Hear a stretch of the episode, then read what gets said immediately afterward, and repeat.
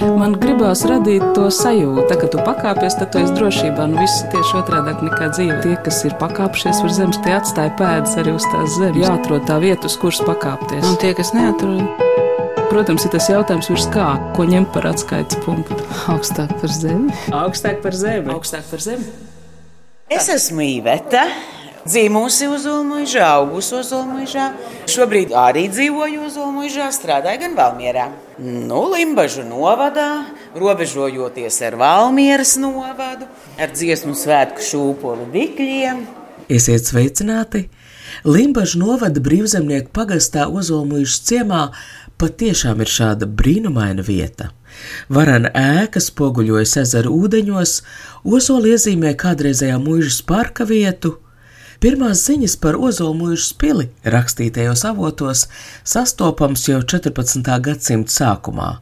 Vēlāk tā piederējusi vidzemē valdošajām Korfu un Ungarnu dzimtām, bet savu uzplaukumu pils piedzīvojusi Melīna dzimtas valdījumā. Šito vietu sauc par pili. Tā tiešām pils. Mēs vietējie visu laiku to esam saukuši par pili. Ejam uz pili, ejam uz koncertu pilī, ejam uz pasākumu pilī. No bērnu dienām tā tas ir bijis. Melīna laikā, 18. un 19. gadsimtā, tika uzcelta patreizējā Ozola mūžas pils, izveidots parks, laivu piestātne. Pēc 1920. gada zemes reformas Ozolmužas pils nonāca publiskā lietošanā. Es atceros šeit un šo pili kā mazam bērnam, kur nāca tajos laikos salatētis, nevis Ziemassvētku vecītis, un, un, un šajā kamīna zālē, jeb zaļajā zālē. Bija pasākumi, un patiesībā tā bija ļoti svēta vieta vietējiem, un daudzās telpās mēs arī nemaz netikām, jo patiešām to, cik nu varēja to saglabāt, mēģināja tajos laikos, kur šeit dzīvi sāka dzīvot arodu skola, pamatskola vēlāk. Skola te laikam vairs nav. Diemžēl Cik ilgi jau? 20. gadā šī bija pamatskola. Tad, mm -hmm. nu jā, bērnu maz. Tā ir viena liela sāpe. Tad, laikam, pa starpu kāds nomnieks ir laikam, bijis veiksmīgs vai neveiksmīgs. Laikam jau neveiksmīgs, jo daudz skādes sadarīts. Nu, tā, nu, tad, tad, kamēr tagad ir vienota mūzikai rokās. Izdosies, jūs ticat? Es ļoti gribu cerēt. Mans vārds ir Anna Bušvica, un uz Ozola mūžu esmu atbraukusi vēlā rudenī. Uz lapu tālku, uz koncertu uzstājas Latviešu biedrības kamerkoras austrums.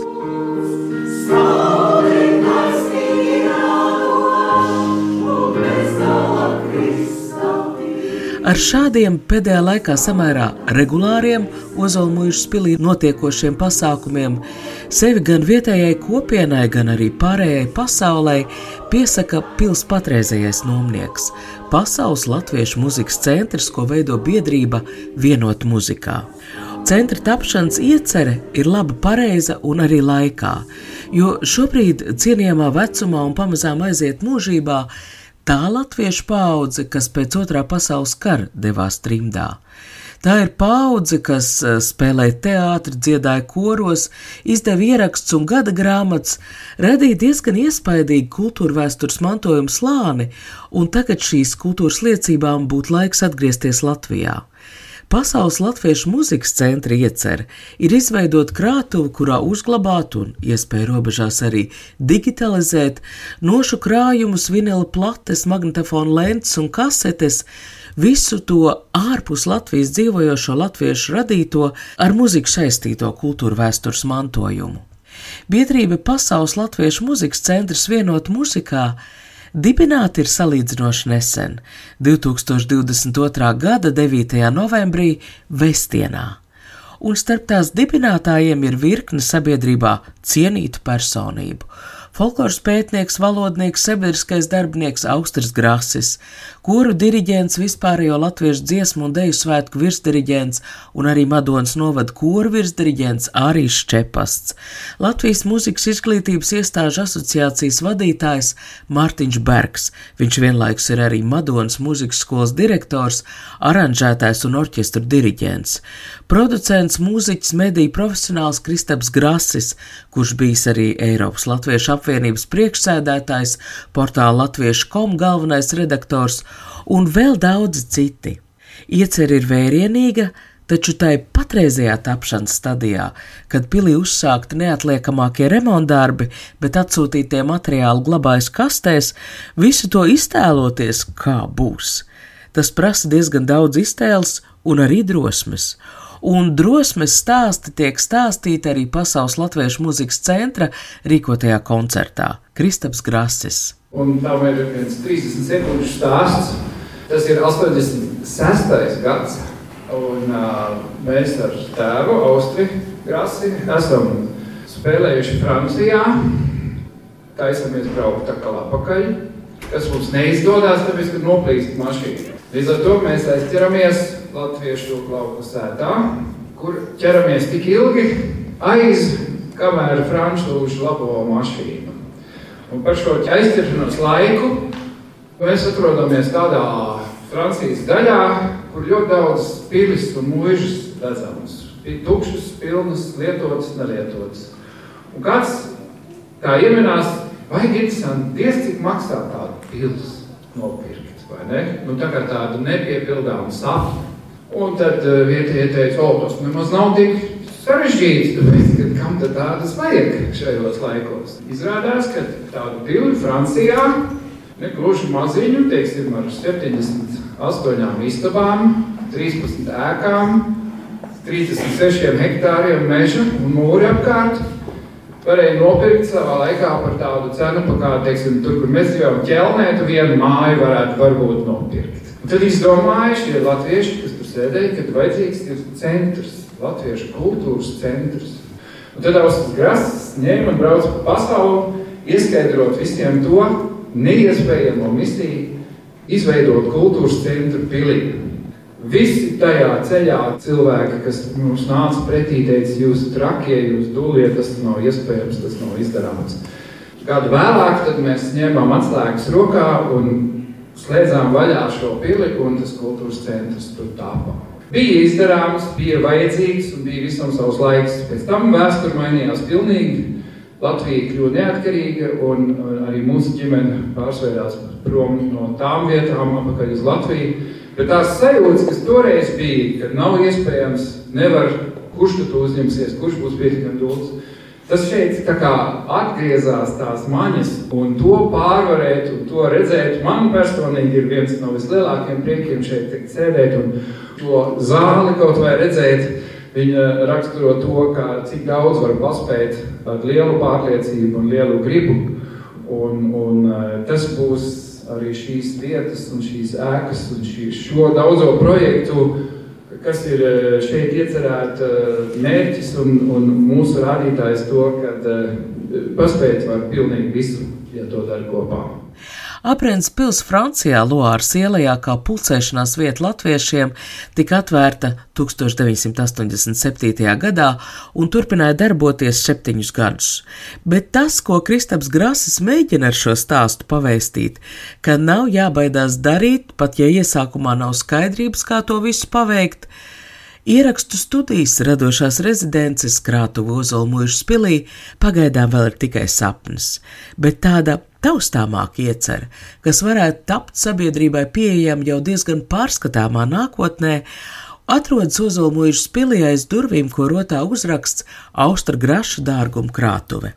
Telpas vidū sakrautas banānu kastes, pie sienām pa daļai piepildīti grāmatplaukti, Folkloras pētnieks, valodnieks, sabiedriskais darbinieks Austris Grasis visu mūžu ir krājis grāmatas, un Ozolmužas pilī viņa privātā biblioteka būs pieejama publiski. Pamatā, tur, protams, ir man pašu, man vispirms sākot ar manu tēvu grāmatām, ko viņš bija nometni laikā savācis, un tad es sistemātiski sāku veidot to biblioteku. Jo es ātri sapratu, ka es bibliotekās varu dabūt uz nedēļu, uz divām varbūt, bet tas man neapmierina. Un tad es sastādīju uz tādām šaurām strēmelītēm, es sarakstīju visu, ko es meklēju. Un tad es sistemātiski sāku, ah, man tur piemēram.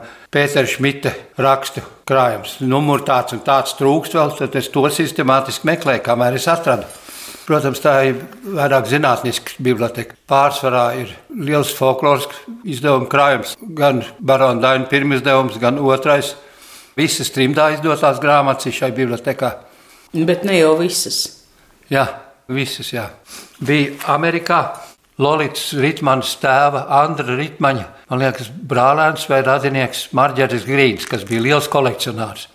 Un es tajā laikā vēl biju Abrenē, tas Marģeris Grīns nomira, un viņa meita novēlēja visu viņa krājumu, atsūtīja pa paciņām uz Abreni. Un tāpēc es arī varu apgalvot, ka, ka te ir viss, kas trimdā izdots, jo tas Marģeris Grīns bija tiešām sistemātiski visu vācis. Ozolmuižas ciems šādā veidā tiktu pie bibliotēkas. Tiesa iecerētajā bibliotēkā grāmatas varēs lasīt tikai uz vietas, taču jo īpaši kolekcionāri interešu veidotais grāmatu krājums potenciāli varētu būt interesants zinātniekiem, trimdus vēstures vai folkloras pētniekiem. Bet vai tu vari izstāstīt savu tādu biogrāfiju caur šīm grāmatām? Kas tev interesēja vispirms? Cik sen šī biblioteka ir sākusi veidoties? Es biju grāmatājs jau kā bērns. Vietējo nometnes biblioteku es ātri izlasīju visu cauri. Un tā kā es, protams, dzīvoju Vācijā, tad es arī lasīju vāciski. Bet nu, tāda īsti dziļa nopietnas sākās tā, ka es studēju. Un studēji tu baltu filoloģiju? Nē, sākotnēji es studēju Āfrikas etnoloģiju Minhenes Universitātē. Un tad mums bija viesos profesors Lāgarkrants no Upsalas, no Zviedrijas. Un viņš stāstīja par Eiropas etnogrāfiju. Un man tas tā iepatikās, ka es gāju uz Upsalu studēt. Toreiz vēl nemācēdam ziedu valodu, kuras trīs mēnešu laikā apguvu. Piecus gadus vēlāk es biju ziedu valodas skolotājs Ziedru ģimnāzijā. Nu, tur es Upsalas universitātē, kur ļoti plašs krājums, arī latviešu grāmatas. Nu, tur es piemēram konstatēju to, ka es varu uz nedēļu dabūt. Un tad es sapratu, ka man pašam vajag. Un tad es sistemātiski sāku krāt. Aprīnojam, ka tu šīs grāmatas atradi atrastamies ārpus Latvijas. Tātad tās ir grāmatas, ko būtībā kaut kādu iemeslu pēc vai trimdīši līdz paņēmuši. Vai, vai bibliotēkas. Antikvariātos ļoti bieži varēja dabūt latviešu grāmatas. Nu, jā, tur bija samērā liela latviešu populācija. Un Zviedrijā jau arī nu, pirms kara laikā bija diezgan ciešas attiecības ar Latviju. Tā kā tur bija, piemēram, es atradu Stokholmā, piemēram, bija Ziediem slavens arheologs Birgers Nērmans, un es nopirku Birgera Nērmana grāmatu ar veltījumu no Franču baloža. Interesantākais stāsts bija par arī Stokholmā antikvariātā es atradu Kristiāna Kelča Livonijas vēsturi 1700 kaut kas, tagad neatceros to gadu. Es vēl students biju. Katreiz, kad es biju Stokholmā, es aizgāju tur, un es viņu skatos, un tas antikvārs bija ievērojis to. Un viņš man pienāca klāt, un viņš teica, ziniet, es redzu, ka jums to grāmatu vajag. Es saku, bet piedodiet, es esmu students. Es nevaru atļauties, es, cik tur tie tūkstoši kronas tur bija. Viņš saka, nekas ņemiet, nomaksāsiet. Un tad es, students, būdam pa simts kronām, nomaksāju viņu, cik tur gados neatceros. Un tā ir viena no manām vērtīgākām grāmatām. Tās ir daudzām grāmatām, ir diezgan interesanti vēsture. Šis man ir vislielākais lepnums. Tā ir grāmata, kas eksistē tikai šai vienā eksemplārā. Vectēvs ir savam mazdēlam uzzīmējis, uztaisījis grāmatu, jo acīm redzot, nav bijis vēl. Lai gan trimdai sākoties, jau sākot ar 44. gadu sāk iznākt grāmatas. Bet nu, šis ir tāds unikums. Gribu šo parādīt Andrim Vilkam, varbūt tomēr nodot Nacionālajai bibliotekai, bet ar nosacījumu, ka viņi izdopa jaunu. Jo es domāju, tas ir tāds vienreizējs pierādījums arī latviešu mīlestībai pret grāmatu, ka vecais tēvs paņem un uztais grāmatu, ja nav viņas. Vai autora vārds ir kaut kur Nav zināms. Nav zināms. Nē. Bet es gribēju šito, es esmu sevišķi lepns. Gorējigo spēka Olūts, biskups Rancāns. 1946. gadā, tas ir pašā trimdas sākumā, ja, izdot grāmatiņu. Man tas ir liels prieks, jo tas rāda to, ka trimdā tas ir 46. Vladislava Loča izdevniecība, 46. gadā Bayern, Neuetting. Un man bija bērnībā tas gods ar Vladislavu Loci dzīvot vienā mājā. Un viņš vienmēr teica, labrīt, vienalga vai rīts vai vakars. Un tad mēs bērni vienmēr teicām, rekunāka, labrītiņš. Un viņš mums toreiz bērniem stāstīja nu, par to, kāpēc viņš izdod latviešu. Pie viņa arī pirmo reizi redzēja lielus retumus, kā Latvijas daina atsevišķu izdevumu Kirilicā. Tas man, diemžēl, man nav izdevies vēl. Tas bija nu, drukas aizlieguma laikā. Nav man izdevies dabūt aiz. Dažu pieminēto grāmatu fotografijas ir atrodamas Latvijas radio mājaslapā pie šī raidījuma. Arī iespēja redzēt, piemēram, cauršauto Latviju dainu sējumu ar ugunskrustu uz vāka. Latviju dainas. Nu jā, bet paskaties te. Pirmkārt, izgriezts ārā bibliotekas. Tas ir bijis kādā bibliotekā stāvējis padomu gados. Bet kas tas ir? Tas ir cauršaut lode. Te ir šausmīgi interesants stāsts. Bija barona simtgade un Stokholmas universitāte baltu valodas katedra profesora Rūķa Draviņa. Zinādam, ka man ir šī tāds eksemplārs, lūdzu, lai es uztaisu fotografiju. Un tagad mans brālis ir profesionāls fotogrāfs, un mēs tagad viņš atbrauc pie manis uz Bonu. Viņš saka, iesim ārā saulē, tur būs labāka gaisma. Mēs izējām ārā pagalmā, manā mājā, Bonā, zālītē. Es paņemu vienkārši vienalga, kur uzšķiru, un brālis uztais fotografiju. Un tagad palielinu, uztais to nu, izstādē, tai barona simtgadē, un tagad iedomājies mūsu pārsteigumu, kas ir tieši tā labs puses. Dur man skauģi, sit man skauģi, nevar mani pievarēt. Es apvilku varastību apkārt savu augumiņu. Nu, kaut kā pilnīgi uz dullo attaisīts vaļā. Man liekas, tas tik zīmīgi. Ja? Un tad es šai sakarībā vienmēr rādu. Protams, te šauc uz to tā saukto, es viņu saucu par ugunskrustu, cits sauc par kāšu krustu. Tad es gribēju parādīt šito grāmatu. Tā nav nekāds liels retums, bet te ir interesants tas, ka te ir titulapā tas pats krusts. Bet tagad paskatīsimies, kas to ir izdevis. Izdevniecība komunists 1918. gadā Maskavā. Nu, tas man liekas, tomēr stipri liels pārsteigums. Ne? Un tad es jau biju sācis braukt uz Latviju. Un tad viena liela daļa, es, protams, arī šeit, padomju okupācijas gados, es braucu, tad mēs, man bija draugs, kas zināja viss, kur meža parkā vai kur, kur bija uteņi visādi. Ja. Un tā es esmu mēs sistemātiski apbraukājām visus, visus grāmatveikals jūrmalā. Katru reizi, kad es atbraucu, viņš ar mašīnu man paņēma un tad mēs sistemātiski apbraukājām apkārt un tā es meklēju. Un tad bija, es nezinu, vai tu atceries, bija Dzirnava ielā bija antikvariāts. Ļoti labi atceros. Jā, jā, to vēlāk atdevu laikam pareizticīgo baznīcai to māju. Tur bija tāda pārdevēja baibiņa, viņa bija tāda ļoti maziņa. Un tā kaut kā bija mani uzmīļojusi. Un tā viņi jau zināja, tā, ka es atbraucu, tad viņi jau bija nolikusi jau cānis tur zināmas lietas priekš manis. Es iebraucu Latvijā, es aizēju tur, tas bija parasti pirmais gājiens tūlīt, ja. Viņi saka, Raškungs, man ir kaut kas priekš jums. Un atnes man glika bībeli. Nesevišķi labā stāvoklī, trūka titulu lapas. Paldies Dievam, es vēlāk iepazinos ar Andriu Vilku, un viņš to paņēma, un viņa restauratoru man restaurēt to titulu lapu, tā ka to nespeciālists neviens nemanītu vispār, ka tur bijis kaut kas. Nu, un tas interesantais bija tas, ka man bija slikta sirdsapziņa, jo man likās, ka tas par smieklu naudu. Jo es toreiz es atceros, samaksāju 300 vācu markas, jo es zināju, ka Andris Kadeģis bija nosolījis Amsterdamā izsolē par glika bībeli kaut kā 25,000 markas. Un pēc tā Kadeģa eksemplāra tika izgatavots faksimīļu izdevums, kurš arī ir šai bibliotekā. Bet nu, es tad nākošā reize, kad es satiku to baigiņu, viņa vēlāk strādāja Valterā un Rapā. Es viņai teicu, ka man bija slikts sirdsapziņa. Viņa teica, ko jūs, Graškungs, pirmkārt, tas cilvēks no tā kāda laba laika varēja iztikt, un otrkārt, viņš bija laimīgs, ka tā nonākusi labās rokās. Tad tas man, protams, nomierināja. Ir ļoti svarīgi radīt vietu, kur beidzoties kādam laikmetam nonākt kultūra vēsturiskām vērtībām Un te mēs atkal atgriežamies pie nodoma, kas ir biedrības Pasaules Latviešu mūzikas centrs vienot muzikā pamatā. Tā uzskata Austrijas Grasis un izstāsta vācu baltiešu izcelsmes bibliofila Oto Bonga Rietumvācijā uzkrātās privāta bibliotēkas likteni. Šobrīd šis krājums atrodas Latvijas Nacionālajā bibliotēkā. Taču brīdī, kad kolekcionāram bija jāatbrīvo telpas, kur Vācijā glabājās viņa biblioteka, un jāizdara tas bija steidzami, bija jāiesaistās sabiedrībai. Jaunieši no Minstras Latviešu ģimnāzijas krāmē kastes, tās tika vestas uz Austra Graša dzīvokli Bonnā, tālāk uz Abrens pili Francijā, pirms tika rasta iespēja to tālāk nosūtīt uz Latviju. Valsts uzturētās atmiņas institūcijas nevar reaģēt ļoti ātri, un tām arī nav iespējas pieņemt glabāšanā pilnīgi visu. Un te nu parādās šādu biedrību, fondu, kultūra vietu nozīme.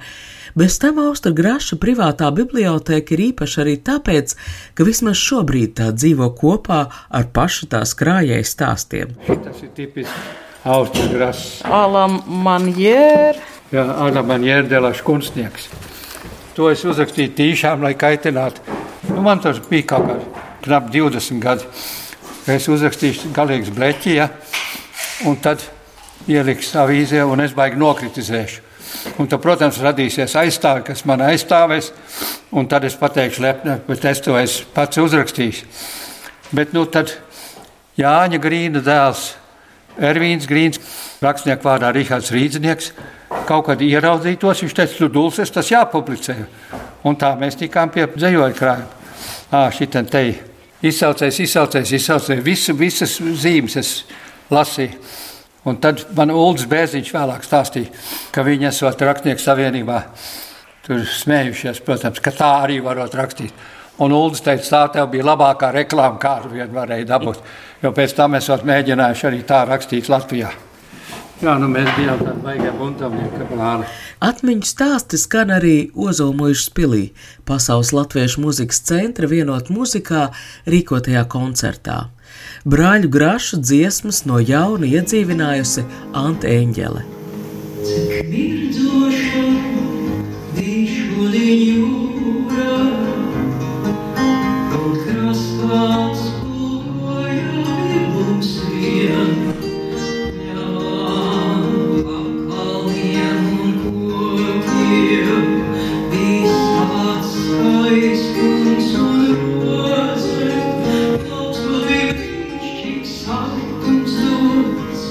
Un katras dziesmas ievadam Austrijas Grasis izstāsta savu stāstu pusi, kā tā vai cita dziesma abiem ar brāli radusies. Ante Eņģels savukārt izstāsta, kā viņš šo dziesmu ir izdzirdējis pirmo reizi, kā kādreizējās trimdas latviešu dziesmas ir atgriezušās Latvijā. Un tie jau ir stāsti nevairs par dziesmām, tā ir dzīva Latvijas vēsture.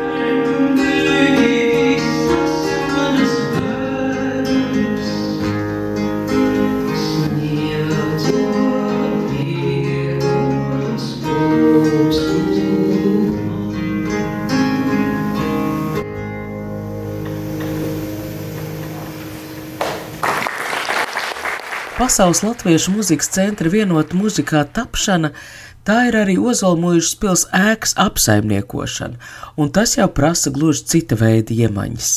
Aigars Parms ir tas cilvēks, kurš ikdienā dzīvo un saimnieko pilī, un zināmā mērā gādā arī par dzīvīgumu tajā.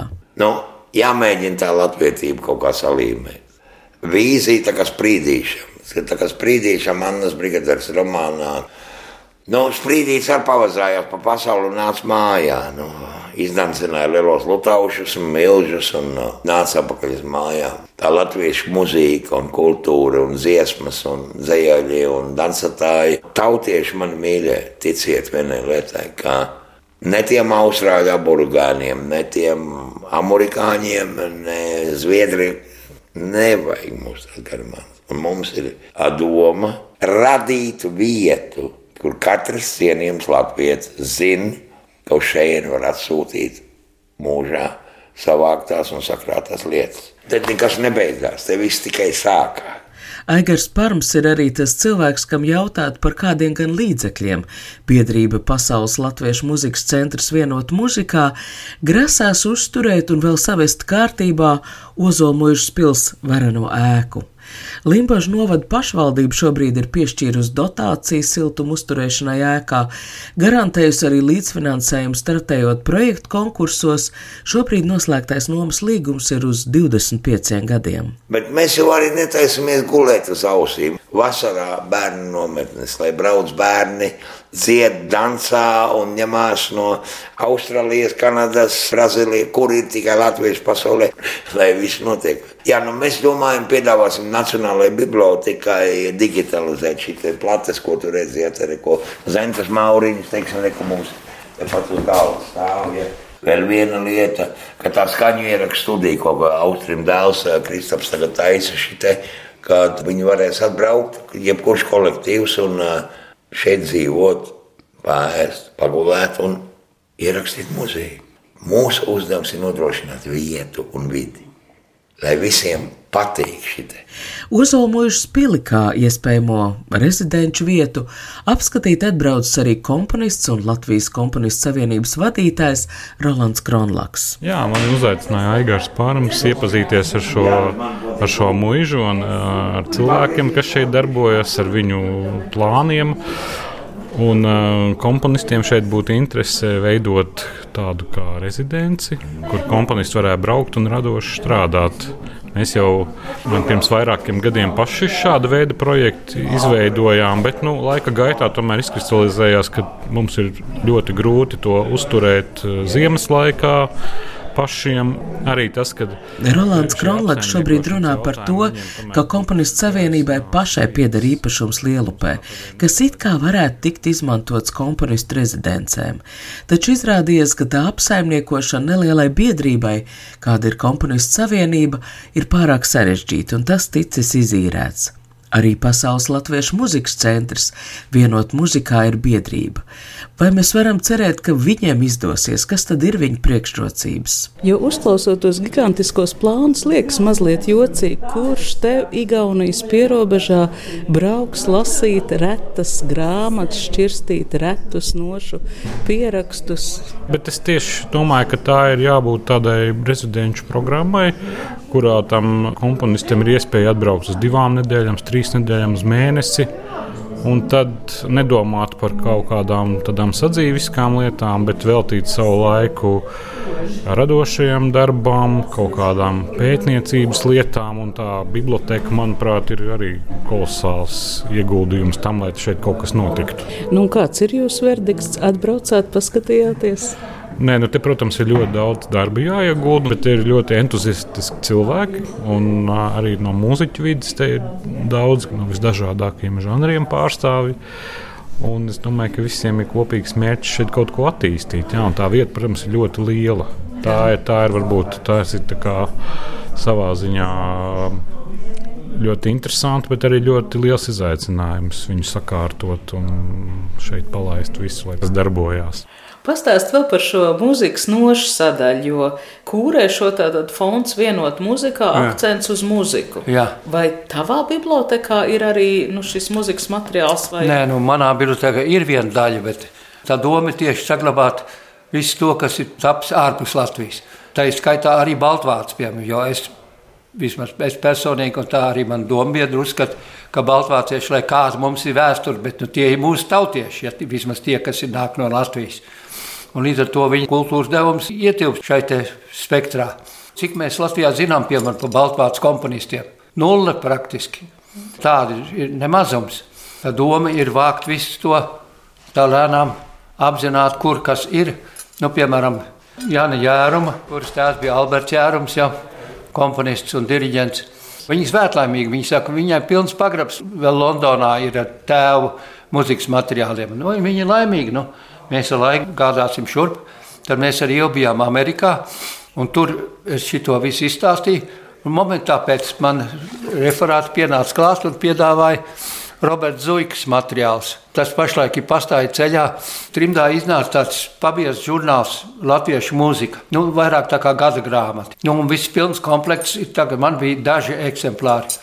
Bet tagad pilns komplekts ir ceļā pastāv uz šejienes. Tas pats ir par Andreja Jansona materiāliem. Ja. Nu, kur viņi paliks? Ir? Pēctečiem nevienmēr ir tās iespējas to saglabāt, un arī neinteresi vienmēr. Pagājušā gada nogalē Austra Graša nu pat pieminētais dāvinājums Pasaules Latviešu muzikas centru ir sasniedzis. Monika Daugsts no Amerikas Savienotajām valstīm atsūtījusi trīs kastes ar mūzikas materiāliem, populārās un kora mūzikas skaņu platēm, diriģenta, vairāk kārtēji dziesmu svētku virsdiriģenta un pedagoga Roberta Zuikas izdotajiem Latviju mūzikas žurnāliem un klāt pielikt arī pārdesmit trimdā iznākuši kompaktdiski. Ko darīt juku laikos, un ja nav naudas? Pasaules Latviešu muzikas centra vienot mūzikā ideja ir iedvesmojoša viena no iespējamām atbildēm, un ar šī centra attīstītājiem Austra Grāse, Aigaru Parmu sarunājās Anda Buševica, šī raidījuma skaņoperators Valdis Raitums. Tā, kad tu pakāpies, tad tu esi drošībā. Nu, viss ir tieši otrādi nekā dzīve. Tas ir tā spēle, jā. Tie, kas ir pakāpšies virs zemes, tie atstāja pēdas arī uz tās zemes. Protams, ir tas jautājums, ko ņemt par atskaites punktu. Nē, nu, principā ir skaidrs, augstāk par zemi. Jāatrod tā vieta, uz kuras pakāpties. Augstāk par zemi. Augstāk par zemi. Augstāk par zemi.